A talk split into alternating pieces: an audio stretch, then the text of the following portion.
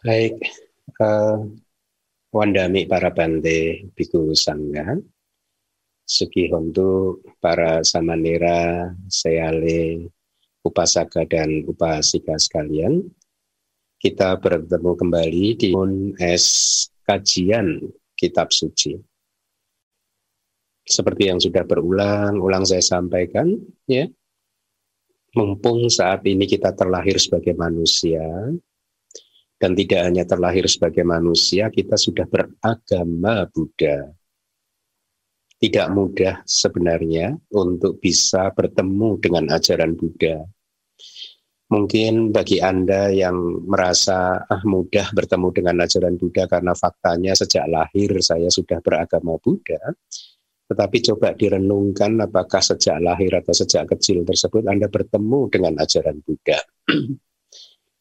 dalam artian mempelajari kitab suci, mengetahui kitab sucinya, seperti istilahnya tetangga-tetangga kita yang ketika beragama mereka juga mempelajari kitab sucinya, maka mari kita tanyakan kepada diri kita masing-masing, apakah sejak kecil kita seperti tetangga-tetangga kita, cara beragama kita, yaitu dengan mempelajari kitab suci,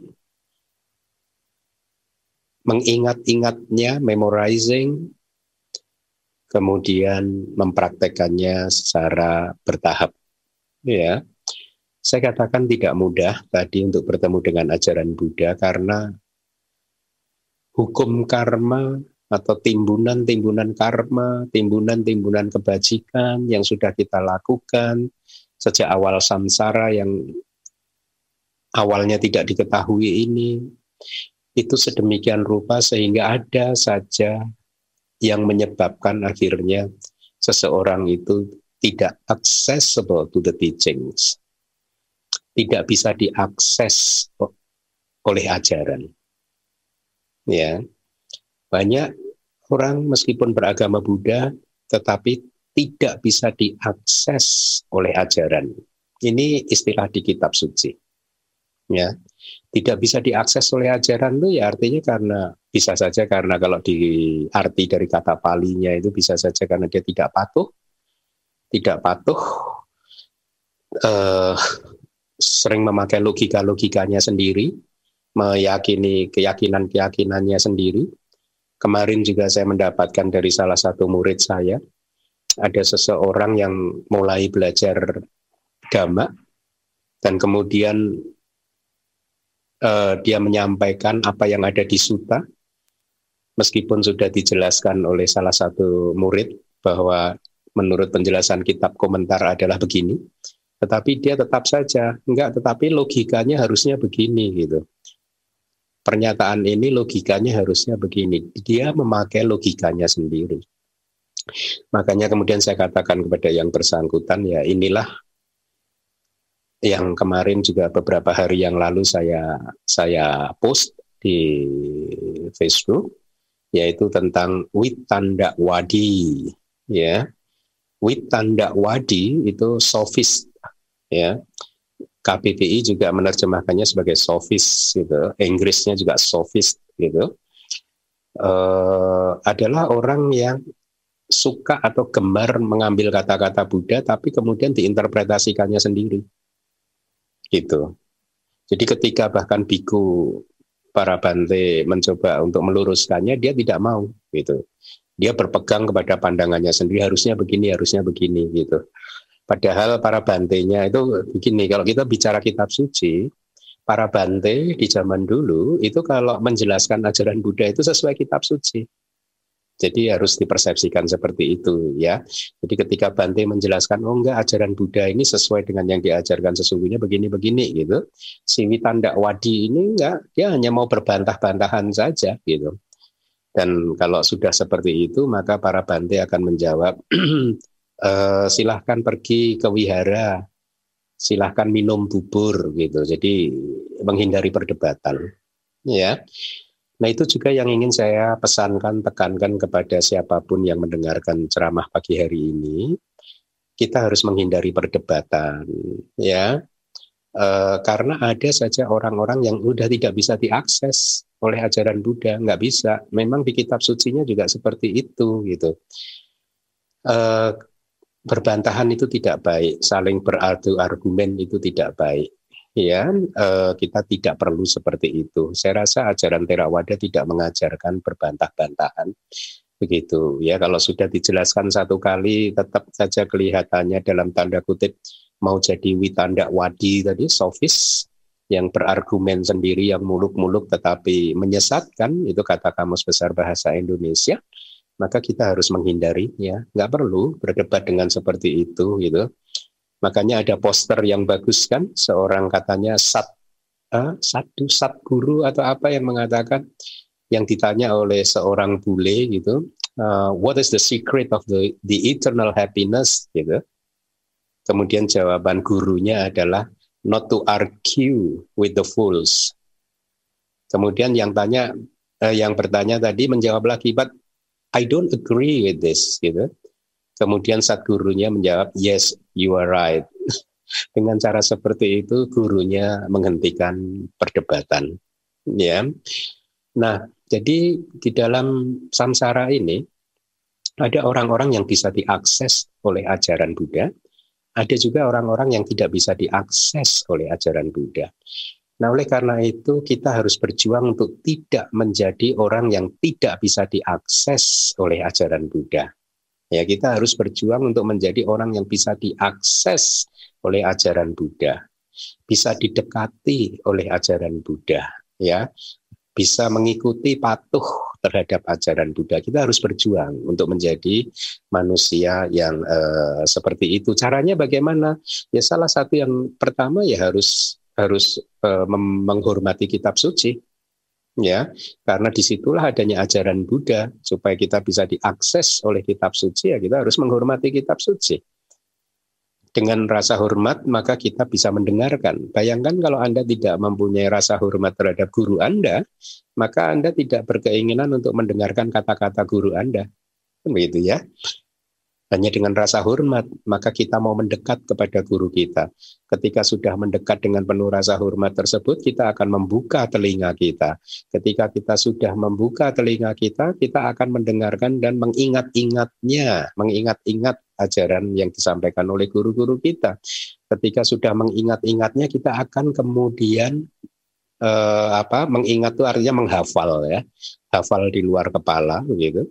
Kemudian kita akan mempraktekannya. Prosesnya seperti itu. Nah, mari kita semua berjuang supaya menjadi orang yang bisa diakses oleh ajaran. Ya bukan seseorang yang sudah tidak bisa diakses oleh ajaran. Seperti Witanda Wadi tadi ya itu sudah tidak bisa diakses. Karena meskipun sudah dijelaskan tetap saja dalam bahasa Indonesianya mungkin ngeyel gitu ya. E, tidak mau percaya ya sudah. Kalau tidak mau percaya kita hormati dan kita tidak mau berpanjang-panjang lagi itu itu sikap dari para bante di kitab suci biasanya seperti itu ya, tidak ada bantah-bantahan gitu nah eh, baik jadi pagi hari ini kita akan mempelajari suta yang baru. uh, mohon ditampilkan slide judulnya. ya, judul sutanya adalah Kagak Wisana Suta. Terdiri dari dua kata, kagak dan wisana. Itu artinya cula badak, satu cula badak atau cula badak yang tunggal gitu ya. Jadi memang kayaknya badak itu culanya satu ya. itu ya wisana itu cula gitu, tanduk gitu ya. Nah, tapi juga ada beberapa yang keliru menerjemahkannya eh, terjadi kekeliruan penerjemahannya dianggapnya ini adalah suta tentang badak bercula satu. Nah, that is wrong. Tidak sesuai dengan penjelasan dari kitab komentar. Kalau itu terjadi karena ya itu salah satu resikonya kalau hanya eh, Eh, mengandalkan terjemahan bahasa Inggris dan kemudian tidak mampu untuk membaca kitab komentarnya.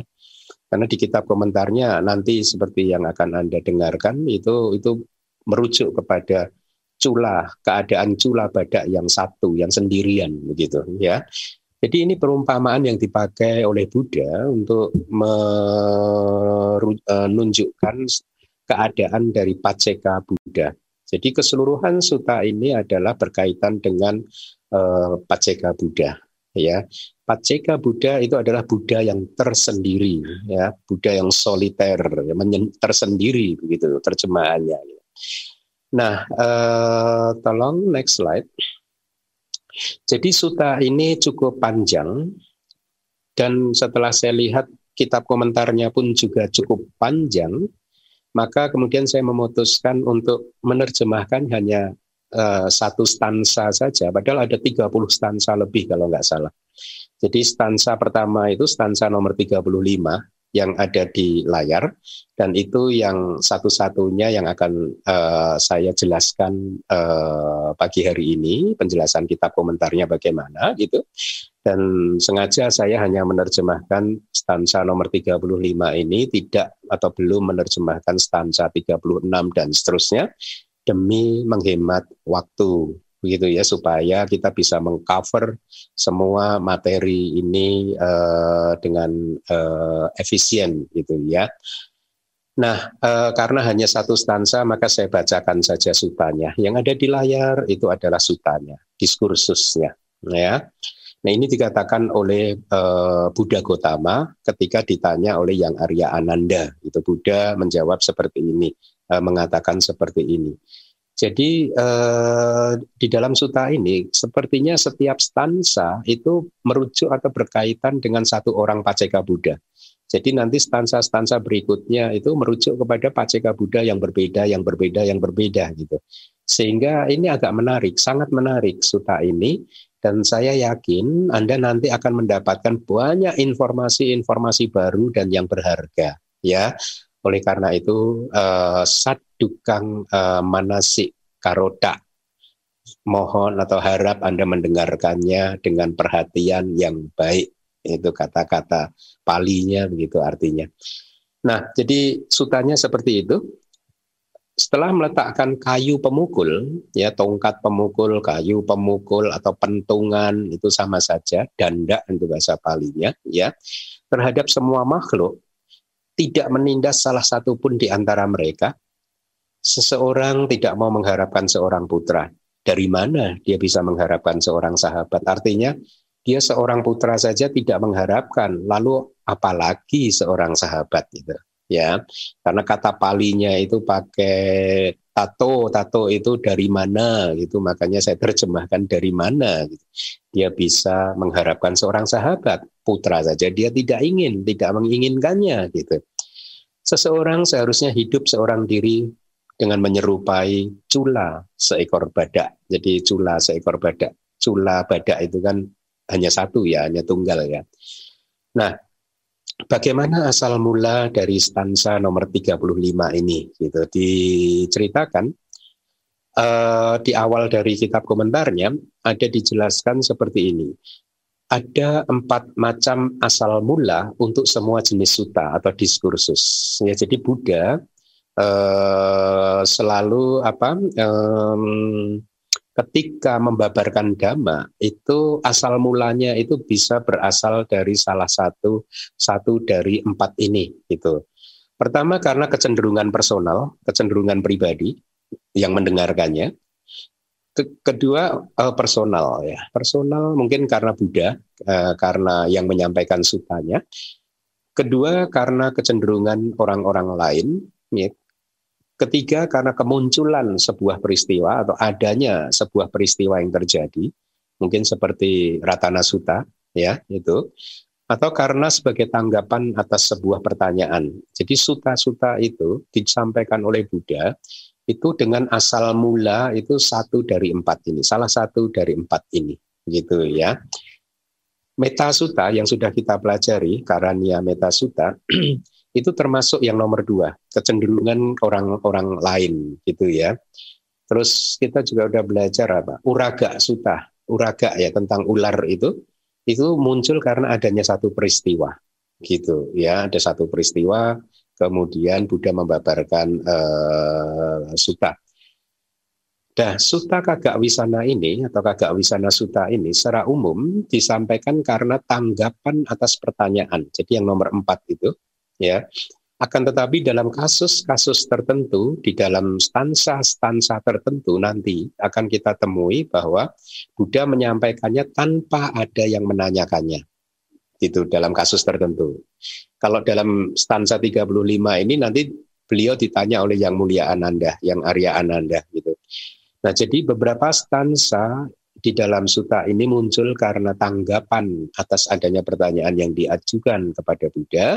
Beberapa yang lain itu karena adanya kecenderungan personal, jadi inisiatif dari Buddha sendiri, begitu.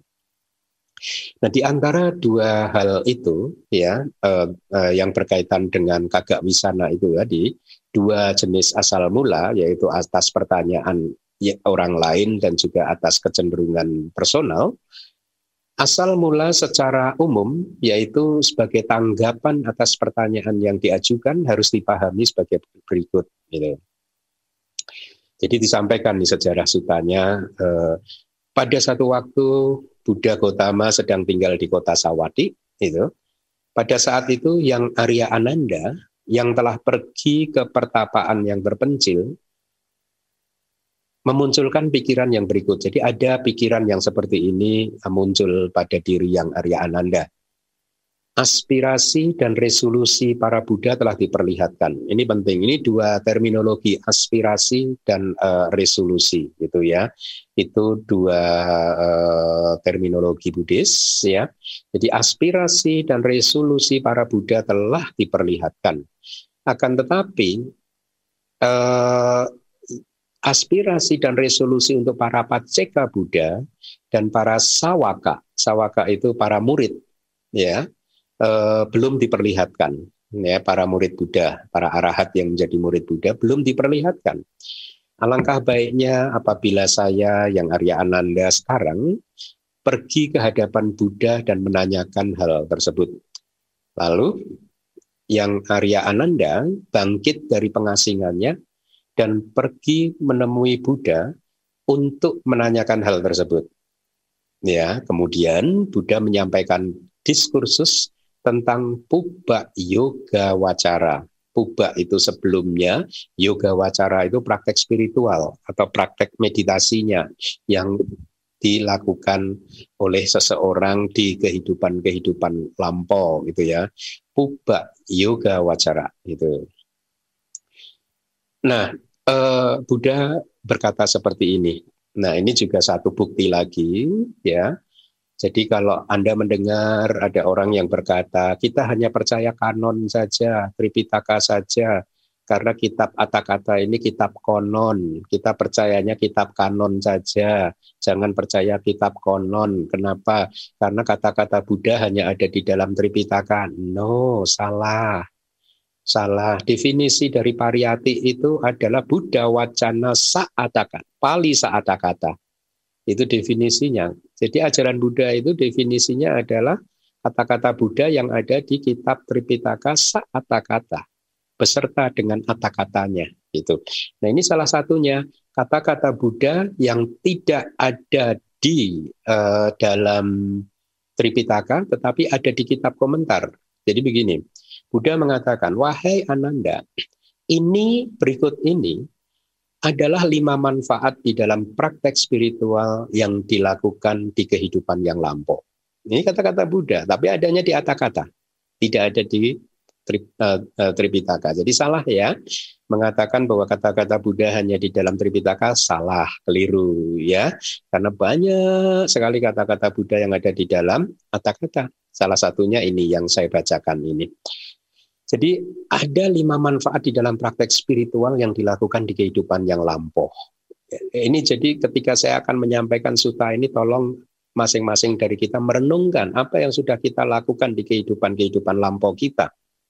Ya, kalau tidak bisa mengingat, ya Anda ingat sekarang kita melakukan yang terbaik supaya apa yang kita lakukan yang terbaik ini menjadi kondisi kehidupan lampau untuk kelahiran kita yang masa depan ya lakukanlah seperti yang ada di dalam katakanlah uh, petunjuk-petunjuk yang diberikan oleh Buddha yang ada di dalam kitab suci. Nah, manfaat yang pertama adalah seseorang akan mencapai pengetahuan terakhir yaitu buah kearahantaan menjadi seorang arahat di kehidupan saat ini juga. Jadi Kalau kita belum bisa mencapai kehidup menjadi seorang arahat di kehidupan kali ini, berarti kita belum tadi melakukan puba yoga wacara, ya, atau mungkin puba yoga wacara kita itu belum maksimal, praktek spiritual kita belum maksimal, gitu. Jadi kalau yang sudah maksimal, manfaat pertama dia akan jadi arahat di kehidupan saat ini. Yang kedua, kalau tidak menjadi arahat, maka dia akan mencapainya persis di saat sebelum kematiannya di kehidupan saat ini juga. Ya, yang ketiga eh, atau apabila tidak mencapainya persis sebelum kematian di kehidupan saat ini juga, dia akan eh, mencapai tingkat kesucian arahat setelah lahir sebagai dewa. Jadi setelah ini dia akan lahir sebagai dewa itu dan di sana dia akan mencapai tingkat kesucian arahat gitu. Atau yang keempat, apabila dia tidak menjadi arahat ketika sudah terlahir sebagai dewa, dia akan menjadi seorang kipa abinya. Kipa abinya itu adalah seseorang yang memiliki pengetahuan langsung yang cepat itu yang mencapai kesucian atau pencerahan dalam waktu yang cepat di hadapan Buddha yang saat ini itu ya atau yang terakhir kalau tidak menjadi kipa apinya seperti itu, dia akan menjadi paceka Buddha gitu ya. Nah yang nomor empat itu adalah mungkin contoh yang suta yang sudah pernah saya sampaikan itu bahia suta. Bahia suta itu ketika mendengar nasihat Buddha di tedi tama tangba wisati sute sudama tangba wisati langsung mencapai pencerahan ya cepat sekali dia mencapai pencerahan. Nah, apakah makanya sering kali kan guru-guru zaman sekarang mengatakan ya kita harus berlatih seperti bahaya daru ciria tetapi guru ini tidak menjelaskan bahwa bahaya daru daru ciria di kehidupan lampaunya sudah memenuhi pubak yoga wacara tadi praktek spiritual di kehidupan lampaunya. Nah kan tidak semua orang itu seperti bahaya kan, tidak semua orang itu uh, bisa mencapai pencerahan dengan waktu yang cepat kan, sehingga metodenya seharusnya berbeda gitu ya. Jangan ditiru metodenya yang mudah saja, tetapi tidak melihat background story-nya gitu ya. Nah, yang nomor lima tadi adalah kalau tidak bisa mencapai pencerahan atau menjadi seorang kipa apinya tadi yang memiliki pengetahuan langsung yang cepat atau yang mencapai pencerahan dalam waktu yang cepat, maka dia akan menjadi paceka Buddha. Nah, yang nomor lima inilah yang akan menjadi tema sentral uh, pembahasan diskursus kita uh, kali ini yaitu Gagak Wisana Suta. Tolong ditampilkan slide-nya. Wahai Ananda, yang dinamakan Paceka Buddha, ini juga kata-kata Buddha tidak ada di sutanya, tetapi ada di kitab komentar. Ya, yang dinamakan Paceka Buddha atau Buddha yang tersendiri adalah dilengkapi dengan resolusi dan praktek di kehidupan yang lampau. Ini Anda harus, makanya Anda, Anda harus terus mengucapkan resolusi dan praktek yang nantinya akan menjadi praktek di kehidupan yang lampau buat kita, gitu ya. Oleh sebab itu, itu istilah terminologinya padana, tapi ini bukan padana abidama ya, tulisannya berbeda. Ini padana, tidak ada titiknya T-nya. Aspirasi atau kadang padana itu bisa berarti doa gitu ya. Tapi doa dalam Buddhis itu kan artinya aspirasi gitu ya. Dan resolusi abinihara harus diharapkan untuk semua Buddha, Paceka Buddha, dan murid Sawaka. Maksudnya harus diharapkan itu adalah harus ada, harus dilakukan bagi mereka yang ingin menjadi Buddha, Paceka Buddha, dan Sawaka. Sawaka ini, kita ini juga muridnya Buddha, tetapi arti Sawaka itu merujuk lebih pada murid-murid Buddha yang bertemu dengan Buddha pada waktu itu dan menjadi murid-murid utamanya seperti yang Arya Sariputa, yang Arya Mahamogalana, yang Arya Ananda dan 80 arahat yang lainnya. Ya ada 80 ya. Nah, lebih kepada itu. Itu jadi untuk bisa menjadi Buddha, Paceka, Buddha dan Sawaka, maka siapa pun harus mempunyai padhana dan abinihara tadi, aspirasi dan resolusi. Ya. Nah lalu yang Arya Ananda bertanya, wahai Bante, berapa lama waktu yang diperlukan untuk sebuah aspirasi para Buddha bisa tercapai? Gitu, ya. Kemudian Buddha menjawab, next slide, untuk para Buddha, wahai Ananda, batas bawahnya adalah empat asang kieya dan seratus ribu kalpa. Batas bawah. Tidak kurang dari itu. Ini minimalnya gitu ya. Batas menengahnya adalah delapan asang kieya dan seratus ribu kapak. Batas maksimalnya adalah 16 asangkeya dan 100 ribu kapak. Ya. Nah, sebelumnya saya akan sampaikan apa itu kapak atau bahasa Sanskertanya kalpa atau saya terjemahkan menjadi eon itu ya. Anda bisa membaca sebenarnya di buku manual Abhidhamma bab kelima. Di sana sudah saya jelaskan dengan detail kalpa atau kapak atau eon. Atau Anda juga bisa mendapatkannya di buku Kama yang saya tulis yaitu Pusaran Kelahiran dan Kematian Tanpa Awal. Di sana kalau nggak salah juga sudah saya jelaskan, tetapi sepertinya di buku manual Abhidhamma bab kelima itu lebih lengkap, ya lebih detail gitu. Jadi ada empat jenis kalpa atau kapak atau eon. Bahasa Indonesianya eon, bahasa Inggrisnya juga ion gitu sama gitu. Yang pertama adalah bahasa palinya ayu kapak. Ayu itu usia. Kapak itu ion tadi, eon tadi ya. Jadi ayu kapak eon usia. Artinya ini adalah batas usia maksimal setiap makhluk. Jadi setiap makhluk itu sebenarnya mempunyai batas usia eh, makhluk-makhluk tertentu ya. Ada batas usia maksimalnya ya. Kalau misalkan di zaman sekarang itu dikatakan dulu guru-guru itu mengatakan usia manusia itu maksimal hanya 100 tahun. Ya, kalau di zaman Buddha itu ada yang sampai 120 tahun, bahkan mungkin zaman Buddha juga perhitungannya masih sama, mungkin seratusan tahun itu usia maksimalnya gitu ya. Nah, itu manusia ya, tetapi kalau dewa Catu Maharajika ya, itu 9 juta tahun manusia gitu ya. Atau kalau uh, yang di atasnya lagi itu lebih tinggi lagi begitu dan seterusnya. Semakin ke atas semakin tinggi batas usia maksimal kehidupan setiap makhluknya gitu. Kalau yang di alam neraka bahkan malah tidak ada batasnya tidak uh, tidak ditentukan batasannya begitu ya artinya dia bisa cepat juga bisa uh, sangat panjang sekali seperti katakanlah dewa data yang saat ini hidup di neraka harus melewati satu kalpa misalkan gitu ya. Nah, itu yang pertama, ayu kapak. Nah, ada salah satu uh, salah satu yang sering disalahpahami atau sering dipahami secara keliru dan sekali lagi ini terjadi karena mereka yang memahami secara keliru itu hanya membaca Tripitaka saja dan tidak bisa membaca kitab komentar atau ketika dijelaskan melalui penjelasan kitab komentar dia menolak kayak yang Witanda Wadi tadi ah logikanya harusnya begini harusnya begitu dan seterusnya ya. Nah jadi ada salah satu uh, salah satu kesalahpahaman yang sering mungkin atau anda mungkin sudah menemuinya adalah begini di Sutta di Mahaparinibbana Sutta Buddha berkata seperti ini wahai Ananda apabila Tathagata Buddha menghendaki dia maksudnya Buddha bisa bertahan hingga satu kalpa, satu eon, atau sisa dari eonnya, gitu, atau sisa dari kalpa. Nah, kenapa saya tadi katakan sering dipahami secara keliru? Karena ada saja orang yang mengartikan, oh Buddha bisa hidup satu kalpa loh. Gitu. Artinya bisa hidup dalam waktu yang tidak terhingga lamanya. No, tidak seperti itu ya. Kitab komentar menjelaskan yang dimaksud di sini satu kapa oleh Buddha adalah satu ayuk kapa.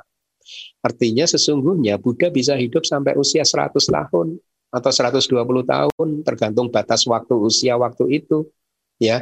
Tetapi kan Buddha parinibbana pada usia 80 tahun kan ya. Kenapa? Karena tidak ada yang meminta Buddha untuk bertahan hingga akhir dari ayu kapaknya ya hingga akhir sampai 100 tahun atau 120 tahun. Nah, ini kesalahpahaman yang ada di di di di kalangan Buddhis gitu, kesalah salah mengartikan kata-kata Buddha. Makanya kembali lagi kitab komentar itu penting ya. Nah, eh, kemudian yang kedua adalah atau ya seperti yang tadi saya katakan uh, health education. Oh, nggak kemarin ya saya juga post health education is not only dangerous but also destructive gitu. Jadi makanya pengetahuan itu kalau setengah-setengah itu bisa berbahaya. Tidak hanya membahayakan dirinya sendiri juga akan membahayakan orang lain gitu ya. E, sangat bisa sangat e, merusak begitu ya. Yang kedua adalah eon antara atau antara kapak yaitu rentang waktu di dalam satu siklus yang dimulai sejak batas usia manusia itu hanya 10 tahun, kemudian dia naik sampai 84 eh, 80 ribu tahun, sorry, kemudian turun lagi sampai 10 tahun. Ini adalah satu eon antara. Jadi usia manusia itu saat ini sedang dalam masa menurun. Di dalam komentar dijelaskan. Jadi pada satu masa nanti di masa depan usia manusia itu hanya akan 10 tahun saja maksimalnya. Begitu. Dan disebutkan di dalam suta ketika batas uh, eon apa usia manusia ini 10 tahun ayu kapak ini maka gadis-gadis yang berumur lima anak-anak kecil yang berumur lima tahun akan menikah dan seterusnya dan seterusnya Nah, tetapi usia yang 10 tahun ini nanti akan meningkat naik terus sampai 80 ribu tahun. Saya membaca kitab suci dulu tetangga juga mempunyai doktrin yang mirip-mirip seperti ini. Di masa lalu manusia itu usianya sampai puluhan ribu tahun begitu ya. Nah, jadi kembali lagi usia 10 tahun naik 80 ribu tahun turun lagi ke 10 tahun itu satu eon antara atau bahasa palingnya antara kapa. Itu. Yang ketiga adalah aksangkeya kapa. Aksangkeya kapa ini adalah eon atau kalpa yang tidak terhitung lamanya. Beda lagi gitu ya. Satu eon yang lamanya itu tidak bisa dihitung gitu ya. Jadi bahkan saya di buku manual itu sempat quote dari Concise Pali and English Dictionary karya A.P. Buddhadatta Mahatera mendefinisikan asangkheya kapa ini sebagai sistem numerik tertinggi yang ditulis dengan 141 nol uh, atau setara dengan begini angka 10 gitu uh, pangkat 141 jadi 10 pangkat 141 gitu. Itu uh, dari kamus uh, Pali Inggris dari AP Buddha Data Mahatera tetapi sesungguhnya di suta-suta tidak pernah. Ya memang waktu itu tidak mempunyai uh, ukuran atau dimensi waktu dengan memakai angka ya pada waktu zaman Buddha masih hidup begitu ya.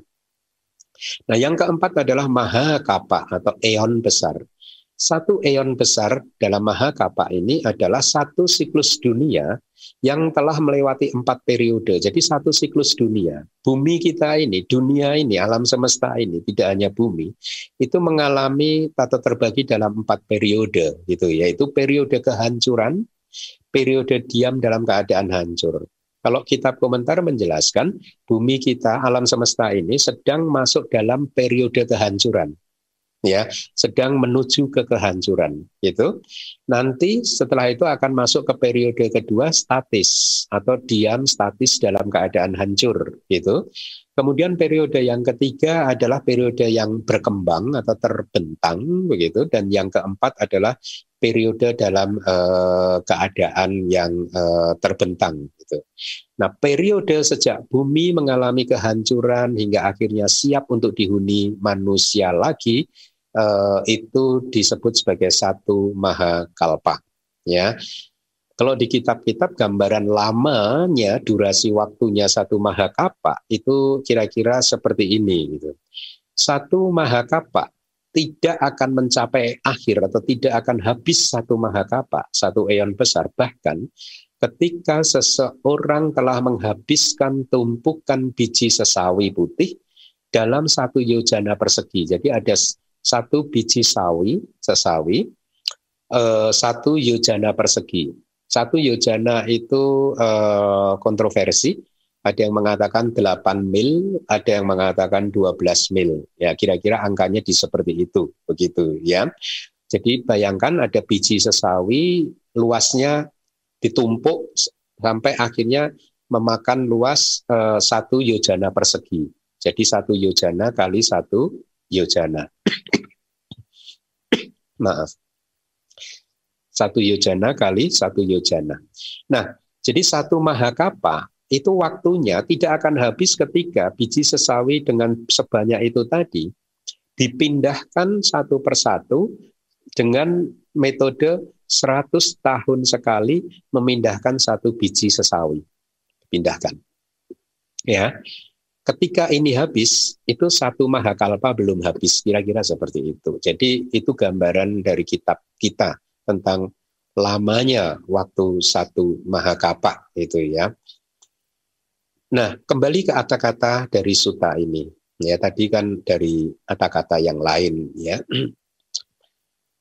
Kata-kata dari suta ini melanjutkan kapa atau kalpa atau eon ya yang berarti ini adalah siklus dunia, adalah skala waktu yang merujuk uh, uh, sorry, oh iya sama, ya. Jadi menjelaskan empat jenis kalpa tadi, tetapi tidak detil. Tadi yang detil itu saya ambil dari kitab manual Abhidhamma. Jadi ada empat jenis kalpa, ayu kapa, antara kapa, asang kayak kapa, dan maha kapa. Ya. Nah, Kembali lagi, uh, tolong slide terakhir ditampilkan. Uh, yang tentang Buddha, ya. Jadi batas bawahnya adalah 100 ribu kapak, uh, 4 asangkaya dan 100 ribu kalpa. Ya. Tiga batasan tersebut berlaku untuk berturut-turut tiga jenis Buddha. Yang satu pertama itu yang paling singkat itu adalah Panyadika. Panyadika itu artinya Buddha yang memiliki kebijaksanaan yang menonjol. Seperti Buddha Gotama ini. Ya, Buddha kita saat ini dikatakan seorang Buddha yang memiliki kebijaksanaan yang menonjol. Beliau adalah seorang Panyadika Buddha. Batas yang kedua, 8 asangkaya dan 100 ribu kalpa itu adalah untuk sadhadika, ya, atau Buddha yang menonjol itu adalah keyakinannya. Gitu. Kalau yang ketiga itu adalah untuk Buddha yang disebut dika, energi atau wirianya yang menonjol gitu ya. Nah, Buddha Gotama mengatakan bahwa seseorang tidak akan bisa menjadi Buddha di bawah empat asangkaya dan seratus ribu kalpa. Makanya dikatakan ini batas bawahnya atau batas minimalnya gitu. Bahkan kitab komentar menjelaskan walaupun seseorang telah berdana setiap hari seperti Wesantara dan telah mengumpulkan parami seperti sila parami, dana parami, dan seterusnya, tetap saja tidak bisa menjadi Buddha kurang dari empat asangkaya dan seratus ribu kalpa. Alasannya apa? Nah ini yang menarik, perumpamaannya menarik sekali. Kenapa tidak bisa? Demikian kata kitab komentar. Dijawab, karena pengetahuan kebudayaan mereka tidak akan lahir, tidak akan muncul, tidak akan berkembang, dan tidak akan mencapai kematangan sebelum empat asangkaya dan seratus ribu kalpa. Sangat logis, sangat logis. Semuanya itu ada waktunya sendiri untuk matang. Jadi pengetahuan kebudayaan juga tidak akan matang, ibaratnya benih yang sudah ditanam tidak akan matang kalau belum tiba masanya atau belum tiba waktunya. Kira-kira seperti itu. Nah, kitab komentar memberikan perumpamaan seperti ini. Seperti halnya padi-padian, membutuhkan waktu tiga bulan, empat bulan, atau lima bulan untuk masak tanaman padi gitu ya, untuk matang. Dan tanaman itu tidak akan mungkin matang atau masak, atau tidak mungkin bisa dipanen sebelum waktu itu tadi, tiga bulan, empat bulan, atau lima bulan. Walaupun petaninya merawatnya dengan cara-cara yang terbaik, mengairinya katakanlah seribu kali sehari dan lain-lain. Pokoknya dengan cara yang terbaik, tetap saja panennya hanya akan bisa didapat dalam masa-masa tertentu. Ya, nah ini adalah perumpamaan yang bagus gitu bahwa segala sesuatu seperti kita pun juga pencapaian tingkat kesucian arahata kita kalau kita berada terus di jalur yang benar itu tetap juga ada masanya, ada waktunya. Nah, kemudian untuk seseorang yang beraspirasi untuk menjadi seorang Buddha, dengan waktu yang sebanyak itu tadi, masih ada lagi yang harus dipenuhinya. yaitu delapan pencapaian yang harus terjadi di momen dia mengucapkan resolusinya. Ya, jadi pada saat membuat resolusi api nihara, delapan hal berikut ini harus dipenuhi, harus ada yang ada di layar itu.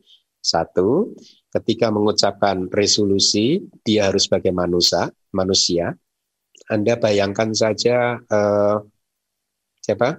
Pertapa Sumedo ya. Ya, yang eh, ketika ingin menjadi Buddha dan mengucapkannya di depan Buddha di Pangkara. Ya, itu semua delapan ini terpenuhi. Satu, beliau adalah seorang manusia. Dua, pencapaian gender, gender, gender ya. Dia harus laki-laki, mohon maaf, gitu ya. Kemudian sebab atau hetu, keempat penglihatan guru, nanti akan saya jelaskan. Kelima, meninggalkan keduniawian atau menjadi seorang biku, ya.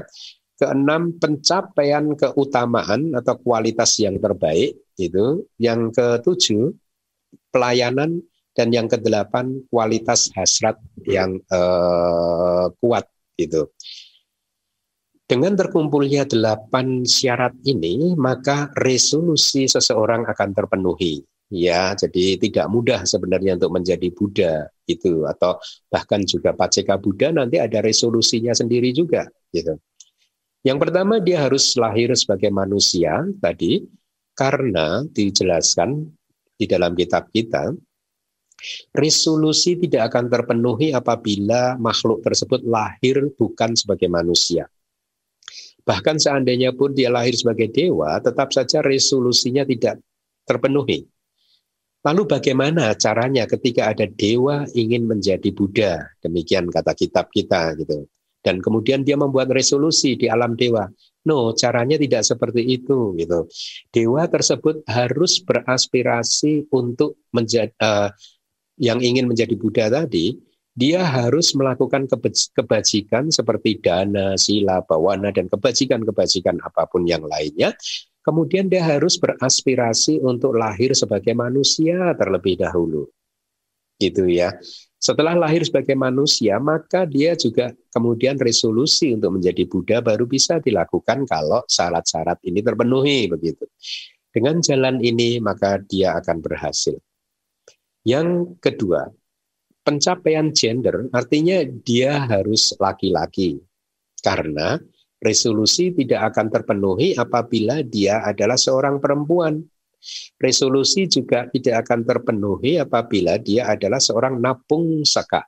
Napung saka itu seseorang yang gendernya netral. Ya. Kemudian dia aspirasi juga tidak akan terpenuhi kalau dia adalah ubatuk bianjanaka, hermafrodit. Gitu ya. Walaupun orang-orang ini uh, semua sudah berhasil sebagai manusia, tetapi dia tidak akan pernah bisa uh, menjadi Buddha. Ya, jadi dia harus laki-laki yang uh, bukan perempuan, bukan napung saka, bukan ubato bianjanaka, gitu. bukan orang yang gendernya netral, bukan juga seorang hermafrodit. Gitu. Ketika dewa ingin menjadi Buddha, maka dia juga harus beraspirasi dulu untuk lahir sebagai manusia dan menjadi laki-laki. Setelah lahir sebagai laki-laki, baru kemudian dia membuat resolusi untuk ingin atau uh, ya resolusi untuk menjadi Buddha. Dengan cara ini resolusi akan terpenuhi. Yang berikutnya, hetu. Hetu adalah pencapaian upanisaya. Ini istilah abidama. Upanisaya ini dukungan yang sangat kuat sekali, gitu ya, untuk menjadi seorang arahat. Jadi harus ada hetunya, artinya dia harus mempunyai upanisaya, mempunyai sebuah dukungan yang kuat bahwa sebenarnya dengan dukungan yang kuat ini si Pertapa Sumedo tadi kalau ingin menjadi Sumeda ya Pertapa Sumeda kalau ingin menjadi arahat pada waktu zaman Buddha di Pangkara beliau mampu menjadi arahat. Itu maksudnya. Ya jadi harus ada upanisaya untuk kearahantaan. Oleh karena resolusi akan terpenuhi untuk seseorang yang saat diucapkannya resolusi tadi dia sesungguhnya bisa jadi arahat. Itu kata komentar ya. Resolusi tidak terpenuhi untuk orang selain itu. Itu ya. Jadi eh, komentar juga menjelaskan tentang kejadian Pertapa Sumeda ketika bersimpuh di kaki Buddha di Pangkara mengucapkan resolusinya pada saat itu sebenarnya kalau dia mau dia bisa jadi arahat gitu. Tapi kan beliau kan mengucapkan resolusi itu dan mengatakan saya tidak ingin uh, menyeberang sendiri. Saya juga ingin menyeberangkan orang lain. Saya tidak ingin mencapai pencerahan sendiri. Saya juga ingin mencerahkan orang lain dan seterusnya, gitu kan? Ya. Nah, yang keempat adalah penglihatan guru. Guru di sini artinya Buddha. Jadi dia harus pernah melihat Buddha yang hidup di kehidupan yang lampau atau di kehidupan yang sama pada saat dia mengucapkan resolusi gitu. Pertapa Sumeda memenuhi ini gitu. Yang kelima pabaja. Dia harus hidup tanpa rumah ya, hidup tanpa rumah. E, ini membedakan dengan Gahak Pati, judul buku yang akan di launching oleh DBS pada tanggal 21 uh, bulan ini ya. Gahak pati itu adalah para uh, penghuni rumah. Kalau Pak Bajita itu tidak menghuni rumah, dia harus hidup tanpa rumah, tidak boleh mempunyai rumah gitu ya. Jadi resolusi akan terpenuhi untuk seseorang yang meninggalkan keduniawian di dalam sasana ini atau di dalam ajaran ini atau di dalam ordo Buddha, artinya di dalam sangga eh, atau di dalam jadi begini, ternyata definisi kitab komentar untuk pabaja untuk syarat yang sekarang ini yang untuk menjadi Buddha ini tidak harus menjadi anggota sangga murid Buddha tetapi bisa juga berada di sasana para pertapa pengembara fakir atau paribajaka ya. Jadi yang penting dia harus meninggalkan uh, keduniawian hidup tanpa rumah itu ya. Tetapi walaupun dia menjadi pertapa dari para pengembara fakir atau para paribajaka, tetap saja dia harus berada di dalam aliran yang mengajarkan hukum karma bahwa melakukan kejahatan akan berdampak seperti ini, melakukan perbuatan baik akan berdampak seperti ini karena ini pandangan benar. Ya. Dan juga mengajarkan kiriak wadi. Kiriak wadi itu adalah konsekuensi dari setiap perbuatan. Jadi walaupun dia ikut pertapa lain harus dua syarat yang dipenuhi para pertapa ini mengajarkan kama wadi dan kirya wadi. Kama wadi itu mengajarkan hukum karma, kirya wadi mengajarkan konsekuensi dari sebuah tindakan atau se, uh, sebuah perbuatan atau sebuah karma gitu ya. Keenam, pencapaian keutamaan atau kualitas yang terbaik. Jadi pada waktu itu yang bersangkutan sudah harus menguasai semua jana. Ya, tujuh pelayanan atau ini artinya perbuatan yang luar batas atau di luar batas kewajaran pelayanan ini ya. Itu seperti Pertapa Sumeda kalau Anda baca sejarahnya setelah membuat revolusi dia menunjukkan keinginannya untuk melepaskan kehidupannya dan pencapaian-pencapaiannya yang lain gitu ya dengan kemudian dia uh, begini dia berkata mohon Buddha di Pangkara bersama dengan para murid-muridnya berkenan berjalan dengan melewati tubuh saya dia membuat mem, apa memposisikan tubuhnya sebagai jembatan ya. Janganlah para Buddha dan murid-murid Buddha melewati lumpur ini gitu. Hal itu akan baik dan eksis untuk kesejahteraan saya. Jadi dia melakukan kebajikan sampai seperti itu ya. Dia menyediakan tubuhnya untuk dipakai sebagai jembatan buat para Buddha dan muridnya dengan tujuan supaya Buddha dan para muridnya tidak menginjak lumpur ya.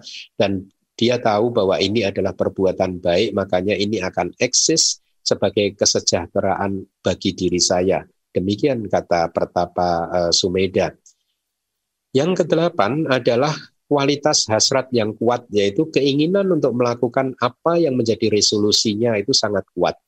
Dan kekuatan dari hasrat tersebut dipahami sebagai berikut. Seandainya saja dia mendengar uh, ucapan seperti ini, siapa yang ingin jadi Buddha, tapi dengan cara disiksa di neraka selama empat asangkaya dan seratus ribu kalpa, maka dia akan menjawab, saya. Itu itu contohnya apa penjelasannya seperti ini, seperti itu. Atau kalau ada ada pernyataan begini, siapa mau jadi Buddha setelah mengelilingi seluruh cakrawala yang penuh dengan batu arang yang panas membara ini? dia akan jawab saya mau dan seterusnya dan seterusnya. Jadi itulah kualitas hasrat yang kuat. Artinya keinginan untuk melakukan apa yang menjadi resolusinya walaupun resikonya apa pun dia tetap akan melakukannya. Ketika resolusi tercapai dengan cara seperti itu, maka bodhisatta tidak akan pernah mengalami delapan hal ini ya. Jadi kronologinya begini ketika Pertapa Sumeda sudah mengucapkan resolusi di depan Buddha di Pangkara dan delapan syarat ini terpenuhi, maka sejak hari itu beliau adalah seorang bodhisatta. Bodhisatta itu artinya makhluk yang beraspirasi untuk mencapai bodhi, untuk mencapai penerangan sempurna. Itu arti dari bodhisatta atau sering saya terjemahkan di dalam buku saya sebagai calon Buddha ya itu juga kata-kata apa istilah yang bagus. Nah di sepanjang karir beliau menjadi seorang bodhisatta calon Buddha selama empat asangkaya dan seratus ribu kalpa bodhisatta kita tidak akan pernah mengalami 18 hal berikut ini ya satu dia tidak akan pernah lahir sebagai orang atau makhluk yang buta atau tuli sejak lahir tidak gila, tidak bebal, tidak pincang, Kemudian yang nomor lima, tidak lahir di antara mereka-mereka yang kasar perilakunya, tidak lahir di dalam kandungan seorang budak perempuan, ya, tidak menganut paham niata mica didik. Niata mica didik itu adalah pandangan salah dengan konsekuensi yang tetap. Ya, apa itu pandangan salah dengan konsekuensi yang tetap? Yaitu pandangan salah ketika seseorang yang menganut paham yang salah ini tidak mau melepaskannya sampai kematiannya, maka setelah meninggal dunia dia pasti lahir di dalam uh, neraka itu ya. Nah, uh, ini paham tentang kekekalan, tentang pemusnahan begitu. Anda sebenarnya bisa membaca ini semua di buku Karma yang diterbitkan oleh DBS. Saya rasa buku itu bagus. Dan for your information, buku ini sekarang sedang diterjemahkan oleh salah satu umat uh, Buddhis Indonesia yang mungkin sudah menjadi warga atau yang tinggal di Los Angeles, saya lihat hasil terjemahannya bagus. Mudah-mudahan nanti bisa selesai jadi dan bisa diterbitkan di Barat juga sehingga buku itu bisa dibaca oleh uh, orang-orang Barat gitu ya. Nah, Anda boleh tuh baca buku tersebut di sana ada tuh niyata mica ditik. Kemudian yang ke-8 tidak menjalani perubahan gender itu. Kemudian yang kesembilan tidak melakukan salah satu dari lima anantarya kama. Lima anantarya kama itu adalah membunuh ibu kandung, ayah kandung, arah uh, dengan niat jahat melukai, uh, menyebabkan darah Buddha mengucur, membunuh uh, arahat dan juga memecah belah sangga. Ya. Kemudian yang ke sepuluh tidak sakit lepra, yang sebelas tidak lahir sebagai uh, binatang yang lebih kecil dari burung puyuh atau lebih besar dari gajah. Yang kedua belas tidak pernah lahir di antara peta yang selalu tersiksa lapar dan dahaga. Yang ketiga belas tidak pernah lahir di antara kala, kanci, ka, asura. Ini asura, satu jenis asura. Kemudian tidak terlahir di neraka awici, lokantarika. Lokantarika itu adalah uh, satu area yang gelap gulita di mana cahaya tidak bisa masuk sama sekali. Setiap cahaya yang mau masuk ke sana terserap, ya. Nah, ini adanya adalah di antara dua cakrawala, di antara dua sistem dunia. Jadi disebutkan ini neraka. Neraka Lokantarika ini khusus bagi mereka yang menganut niatamica didik tadi. Jadi ketika mereka yang menganut niatamica didik sudah lahir di neraka awici, dan kemudian alam semesta mengalami kehancuran dan diceritakan sebagian besar makhluk di mana pun juga akhirnya lahir di alam surga tertentu ya.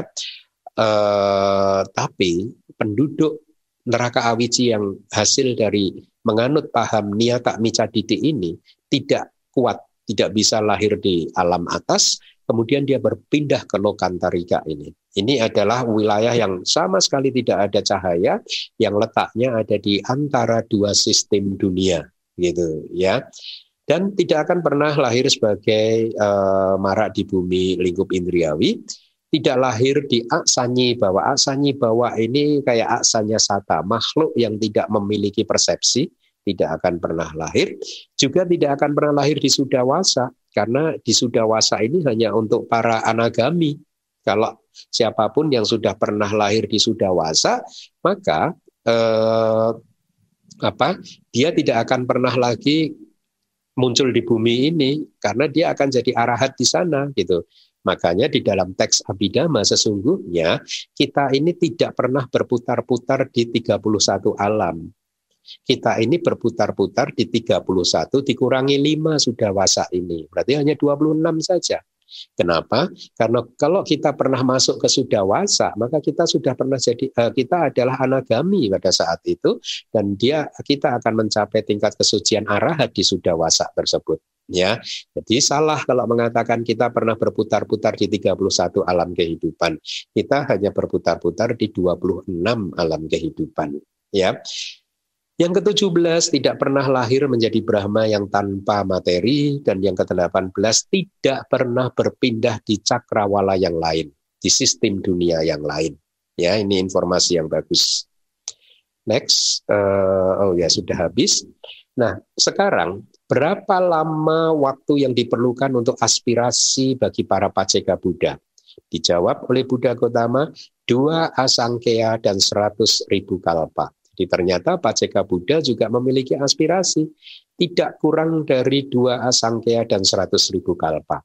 Alasannya harus dipahami seperti yang telah disampaikan berkenaan dengan aspirasi atau resolusi para Buddha tadi. Dengan istilah padi tadi yang eh, pan, bisa dipanen kalau waktu panennya telah tiba. Nah sekarang Anda tahu bahwa ternyata Paceka Buddha atau ada juga makhluk-makhluk yang beraspirasi untuk menjadi Paceka Buddha. Lalu syaratnya apa? syaratnya next slide. Ada lima syarat yang harus dipenuhi. Satu, status sebagai manusia. Kedua, pencapaian gender. Ketiga, penglihatan terhadap orang-orang yang noda-noda batinnya telah pergi. Artinya, pernah bertemu dengan seorang arahat. Ya. Keempat, pelayanan. Kelima, kualitas hasrat yang kuat. Ya.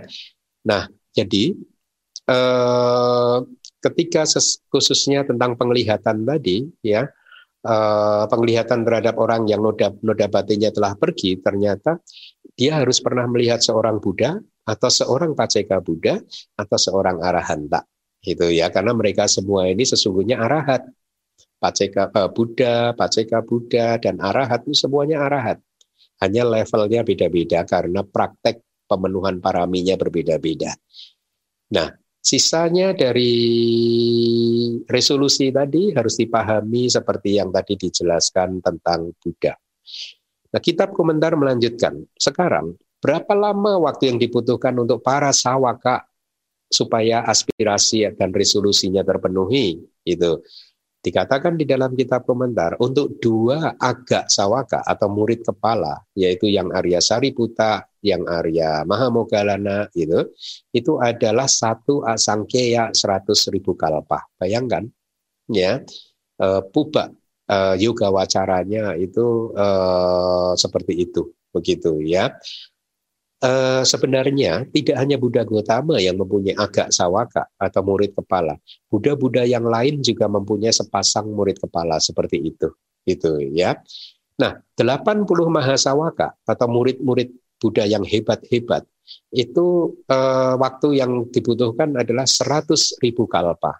Ya, Demikian pula kata kita komentar untuk menjadi ibu seorang Buddha juga prakteknya seperti itu.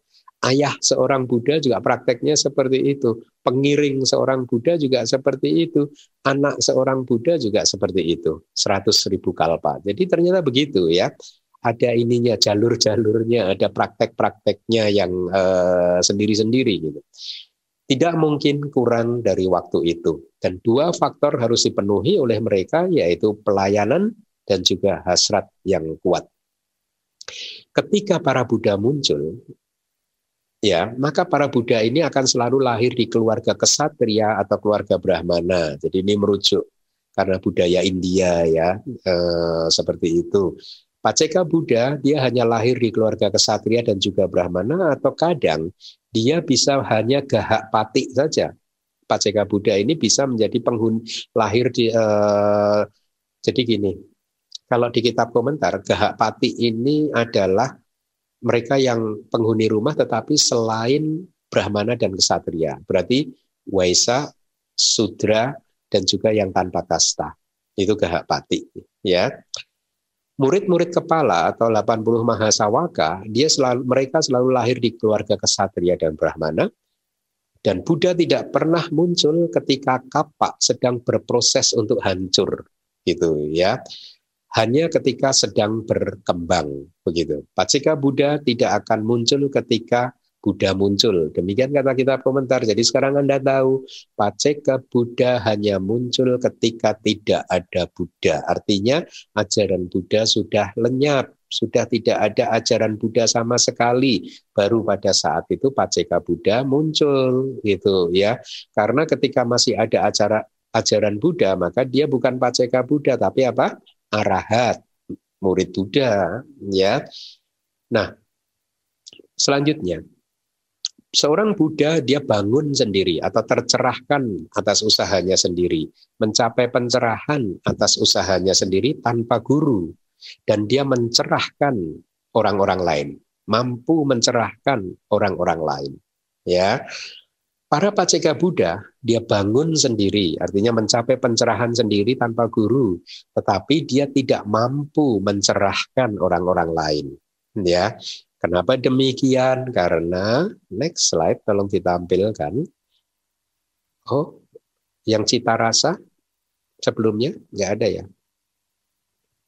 Kalau tidak ada, begini. Sebelumnya ada slide. Para paceka Buddha menembus hanya cita rasa dari arti pencerahan. Beliau tidak menembus cita rasanya dhamma. Oleh karena itu, slide ditampilkan tolong. Ya, slide yang tadi. Ya. Jadi saya ulangi lagi slide sebelumnya, para paceka Buddha hanya menembus cita rasa dari rasa pencerahan, tetapi dia tidak menembus cita rasa dhamma. Ya, mereka benar-benar tidak mampu membawa konsep untuk dhamma-dhamma adi duniawi dan mengajarkannya. Nah ini sebenarnya istilah abidama konsep itu apa pun yang ada di dunia ini yang kita alami di dunia ini selain cita-cita sika rupa dan nibana ya. Jadi kata-kata kita ini termasuk konsep. Jadi ini maknanya sesungguhnya beliau tidak mampu untuk mendeskripsikan pencapaian adi duniawi dia pencapaian adi duniawi beliau itu adalah pencapaian maga, palak, dan nibana. Beliau tidak mampu juga untuk memberikan petunjuk bagaimana untuk mencapai maga, palak, dan nibana. Oleh karena itu, realisasi dhamma yang dialami oleh mereka adalah seperti sebuah mimpi yang dilihat oleh orang-orang bisu. Bayangkan, ada orang bisu bermimpi kemudian diminta untuk menceritakan mimpinya lalu apa yang dia bisa ceritakan? Nah paceka Buddha itu adalah seperti itu gitu. Atau seperti orang desa diminta untuk menggambarkan cita rasa makanan kota nggak akan bisa gitu ya. Mereka mencapai kekuatan batiniah idik ya dia mencapai kesaktian dia mencapai pencapaian meditatif seperti jana bahkan patik sambida juga yaitu pengetahuan-pengetahuan analitis tentang dharma. Mereka mencapai itu. Akan tetapi kualitas mereka di bawah Buddha. Walaupun kualitas mereka ada di atas Mahasawaka jadi demikian gitu uh, tingkatannya. Paceka Buddha ada di bawah Buddha kualitasnya, tetapi ada di atas Mahasawaka seperti yang Arya uh, agak Sawaka. Huh? Di atas Sawaka, di atas para murid Buddha, di atas para arahat-arahat gitu ya. Tolong ditampilkan slide. Ya, jadi ini adalah stansanya, ya. Penjelasannya adalah gitu Eh, para paceka Buddha dikatakan beliau juga menahbiskan orang-orang lain dan mengajarkan latihan yang merupakan pelatihan-pelatihan mulia seperti sila dan lain-lain. Hanya sila saja yang dilatih, diajarkan. ya.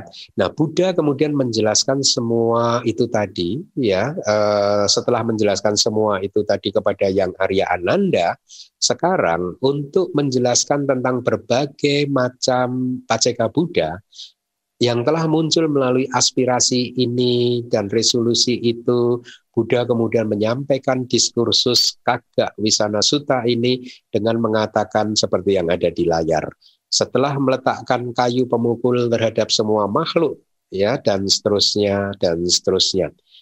Di stansa 35 ini asal mula stansa tersebut harus dipahami sebagai berikut. Diceritakan bahwa seorang Paceka Buddha ingin memasuki tingkatan Paceka Bodhisatta. Jadi ada juga kalau kita mengenal uh, uh, Bodhisatta itu adalah khusus untuk calon Buddha, kita juga mengenal Paceka Bodhisatta, calon Paceka Buddha gitu ya atau orang yang beraspirasi untuk menjadi Paceka Buddha ya. Nah dia telah memenuhi paraminya selama dua asangkya dan seratus ribu kalpa dan kemudian setelah menjadi biku di dalam ajaran Buddha Kasapa lihat pernah menjadi biku di dalam ajaran Buddha Kasapa dia kemudian ketika itu menjadi biku penghuni hutan dia melaksanakan sama nak damaknya, kewajiban sebagai seorang pertapa, yaitu mengembangkan jalan mulia berunsur delapan. Kemudian dia juga melaksanakan ketaatan dalam kepergian dan kepulangan. Ketaatan dalam kepergian dan kepulangan ini sesungguhnya Anda bisa baca dengan detail di buku Mahasati Padana Sutta dan komentarnya yang sudah diterbitkan oleh DBS. Tapi singkatnya seperti ini kepergian dan kepulangan. Jadi kalau seorang biku itu dari wihara ingin berpindah patah, ingin pergi, dan kemudian setelah berpindah patah dia pulang, maka ada empat variasi gitu. Yang pertama adalah seorang biku membawa e, pergi, artinya membawa subjek meditasinya pergi, tapi tidak membawanya kembali. Artinya, ketika dia pergi berpindah patah, Selama pergi dia tetap fokus pada subjek meditasinya, misalkan anapanasati, tetapi ketika pulang dia lupa, tidak lagi memperhatikan subjek meditasinya. Maka dia dikatakan sebagai seorang yang membawa tapi tidak mengembalikannya. Ya.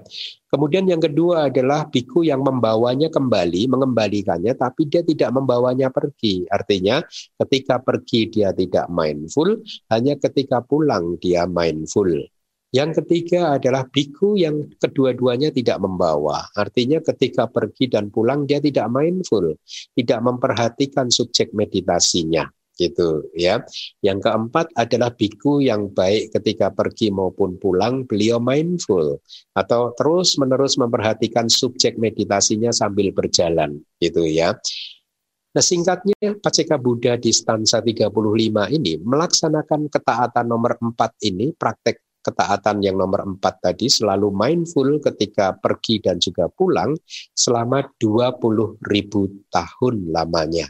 Jadi beliau tentunya hidup ketika usia manusia itu bisa mencapai puluhan ribu ya.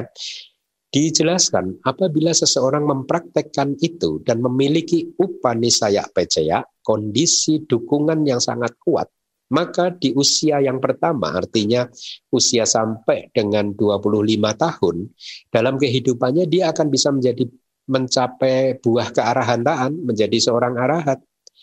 Apabila dia tidak mencapainya di usia pertama, dia akan mencapainya di usia pertengahan, yaitu sampai usia 50 tahun, dia akan menjadi arahat.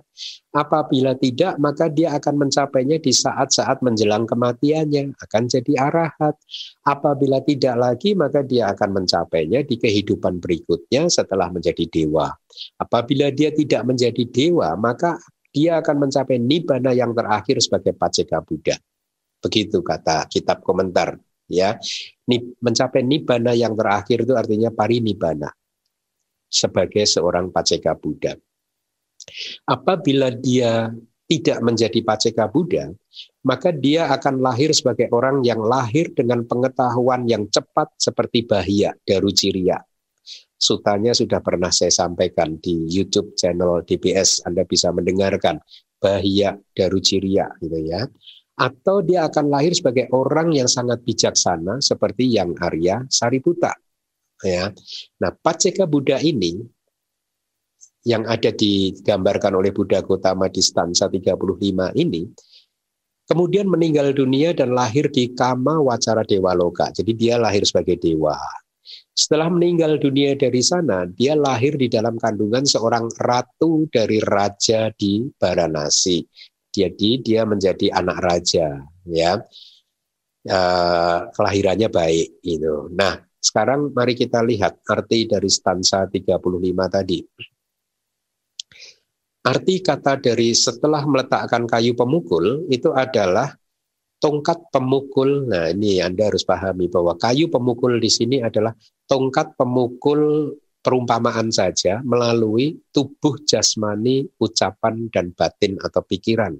Jadi ini hanyalah istilah untuk perilaku tubuh yang tidak baik seperti pembunuhan, pencurian, bersinah dan lain-lain atau perilaku lisan yang baik seperti berbohong, berkata-kata kasar dan lain-lain atau perilaku batin yang tidak baik.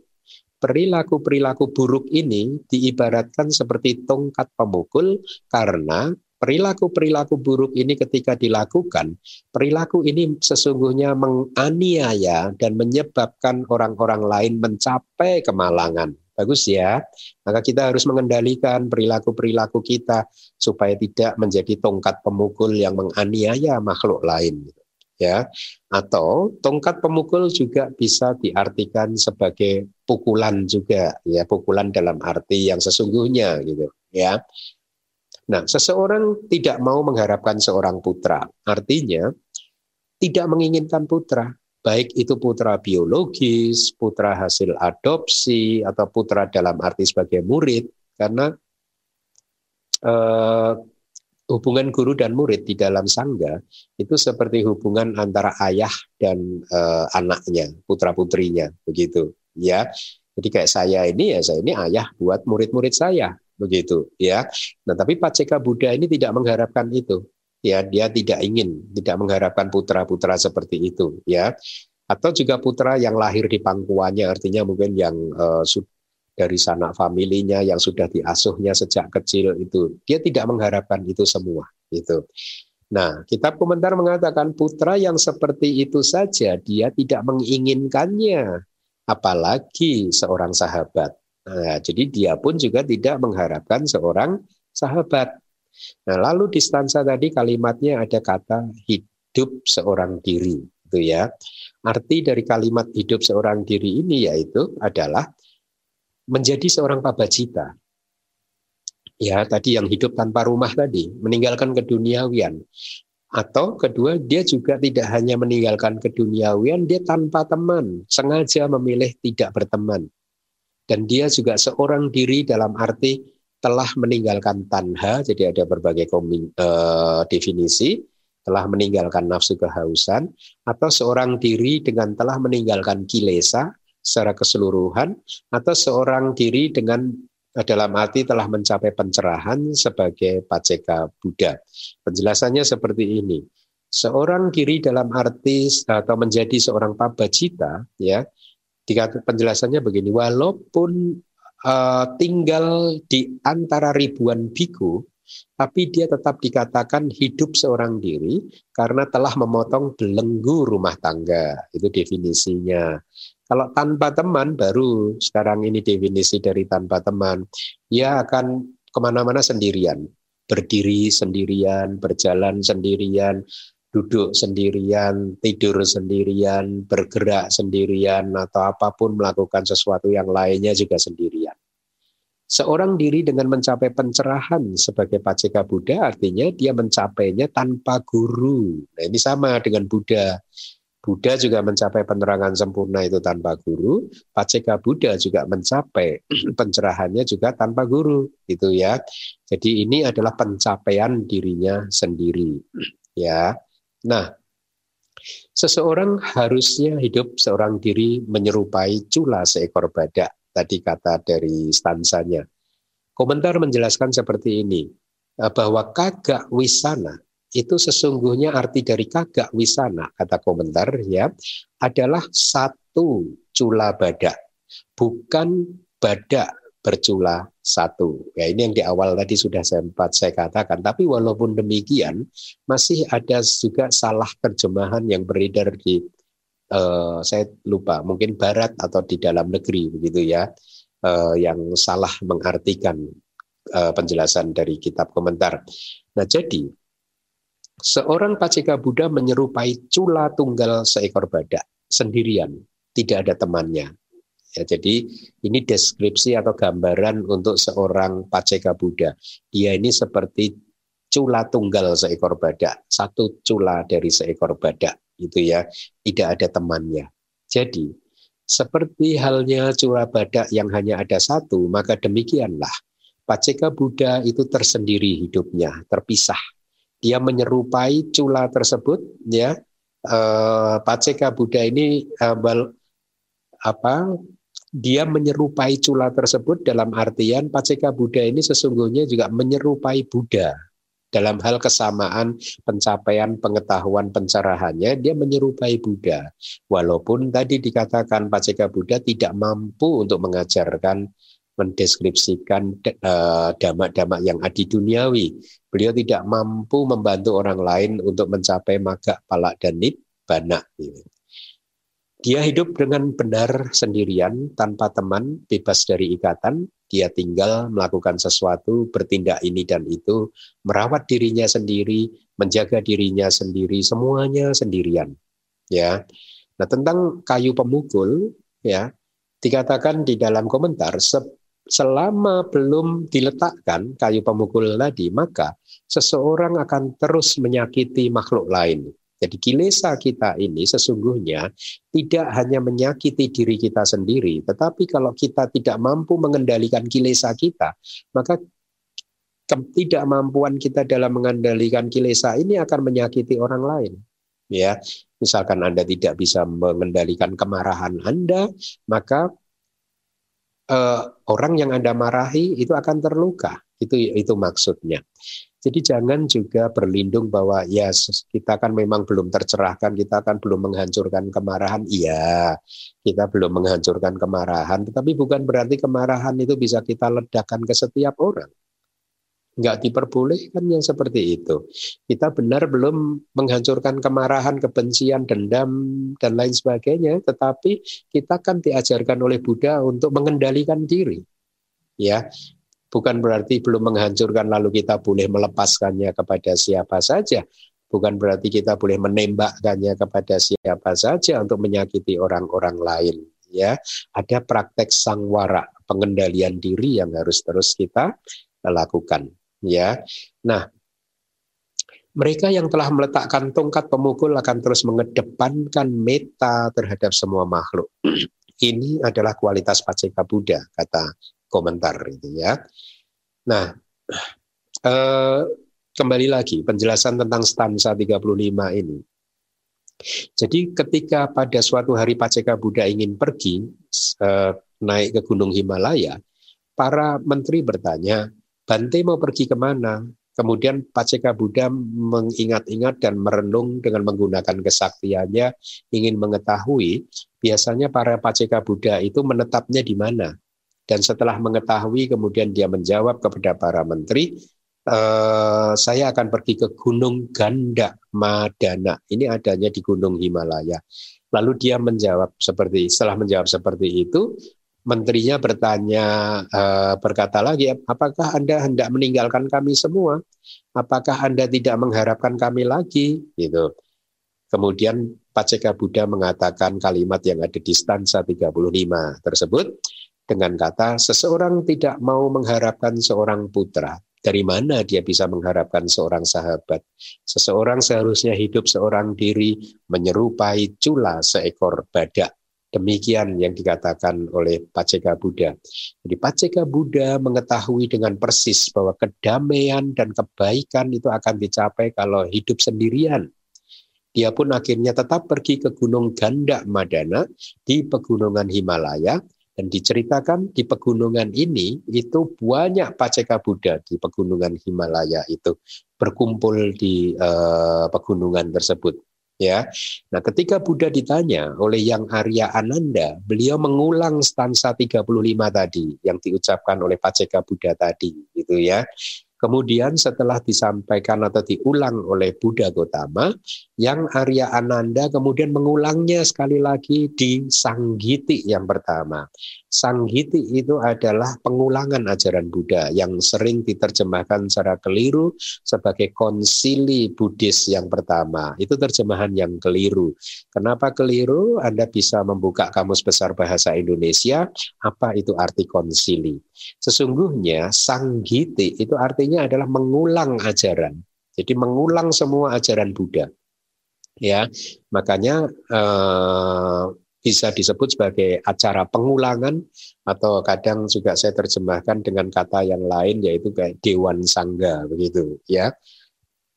Nah, Sanggiti yang pertama ini diadakan tiga bulan setelah Buddha Parinibbana dengan tujuan untuk mengamankan, melestarikan ajaran Buddha yang sudah Parinibbana.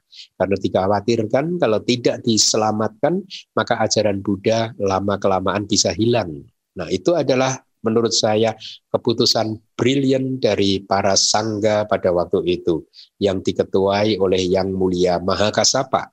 Karena beliau berpikir ini kalau tidak segera dikumpulkan, dalam artian diingat-ingat kan waktu itu belum ada bahasa tulisan, dikumpulkan, dihafalkan di luar kepala, maka semak dari gener uh, ketika waktu berjalan dari satu generasi pindah ke generasi yang lain, dikhawatirkan ajaran Buddha masih hilang, uh, akan hilang. Kita beruntung saat ini kita masih bisa mengakses ajaran Buddha tersebut karena keputusan brilian dari para sangga tiga bulan setelah Buddha parinibbana. Walaupun demikian di zaman modern ini juga ada saja orang-orang yang tidak menghormati kitab suci, kaum Witanda Wadi tadi yang hanya ingin membantah saja, Eh, kemudian tanpa disadari atau tidak sesungguhnya ya mereka itu sedang mencoba untuk menghancurkan atau menghentikan perputaran roda dharma sudah jelas kitab kita itu Tripitaka, masih ada saja yang mengatakan bahwa Abhidhamma bukan ajaran Buddha.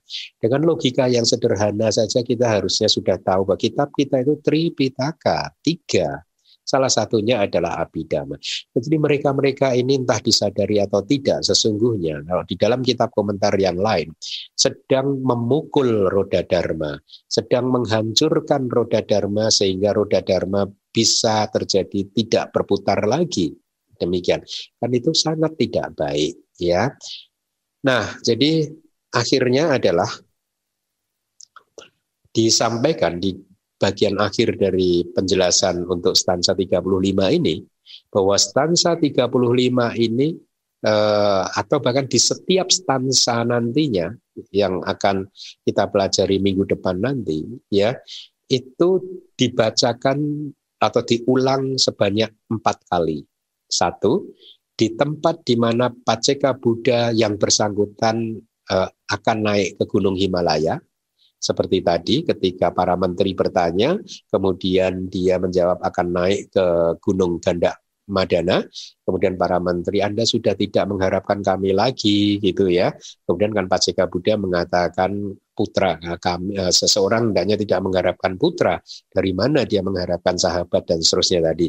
Itu ucapan yang pertama. Kemudian ucapan yang kedua sesungguhnya ada yaitu di pavilion Manjusaka Pavilion Manjusaka itu adalah jadi para Paceka Buddha tadi yang berkumpul di Himalaya tadi itu ternyata juga melakukan uh, kepatuhan hari kepatuhan uposata. Jadi setiap uposata mereka berkumpul. Nah, jadi ketika ada Paceka Buddha baru yang baru saja datang ke sana, kemudian ditanya oleh Paceka Buddha yang lain dari mana dan kenapa ke sini, lalu ada cerita apa. Nah, Paceka Buddha tadi menyampaikan Uh, misalkan stansa yang ke-35 ini disampaikan untuk kedua kalinya di hari Uposata itu di Gunung Himalaya. Ucapan yang ketiga atau di, pengulangan yang ketiga dilakukan oleh uh, Buddha Gotama ketika ditanya oleh yang Arya Ananda tadi. Sedangkan yang keempat terjadi ketika yang Arya Ananda mengulangnya di Sanggiti yang pertama. Jadi kitab komentar menjelaskan bahwa setiap stansa ya itu diulang atau diucapkan empat kali ini gitu. Jadi demikian penjelasan yang bisa saya sampaikan dari kitab komentar. Mudah-mudahan Anda mendapatkan banyak pengetahuan dari komentar kitab komentar ini ya dan mudah-mudahan ini juga menjadi semacam mungkin pubak yoga wacara Anda, mungkin praktek spiritual uh, di kehidupan sebelumnya bagi Anda untuk kehidupan-kehidupan Anda setelah yang ini. Baik, demikian yang bisa saya sampaikan. Terima kasih. Anumodana Bante atas penjelasan suta yang telah disampaikan kepada kami. Semoga kami semua mendapatkan manfaat tertinggi dari pendengaran dhamma ini.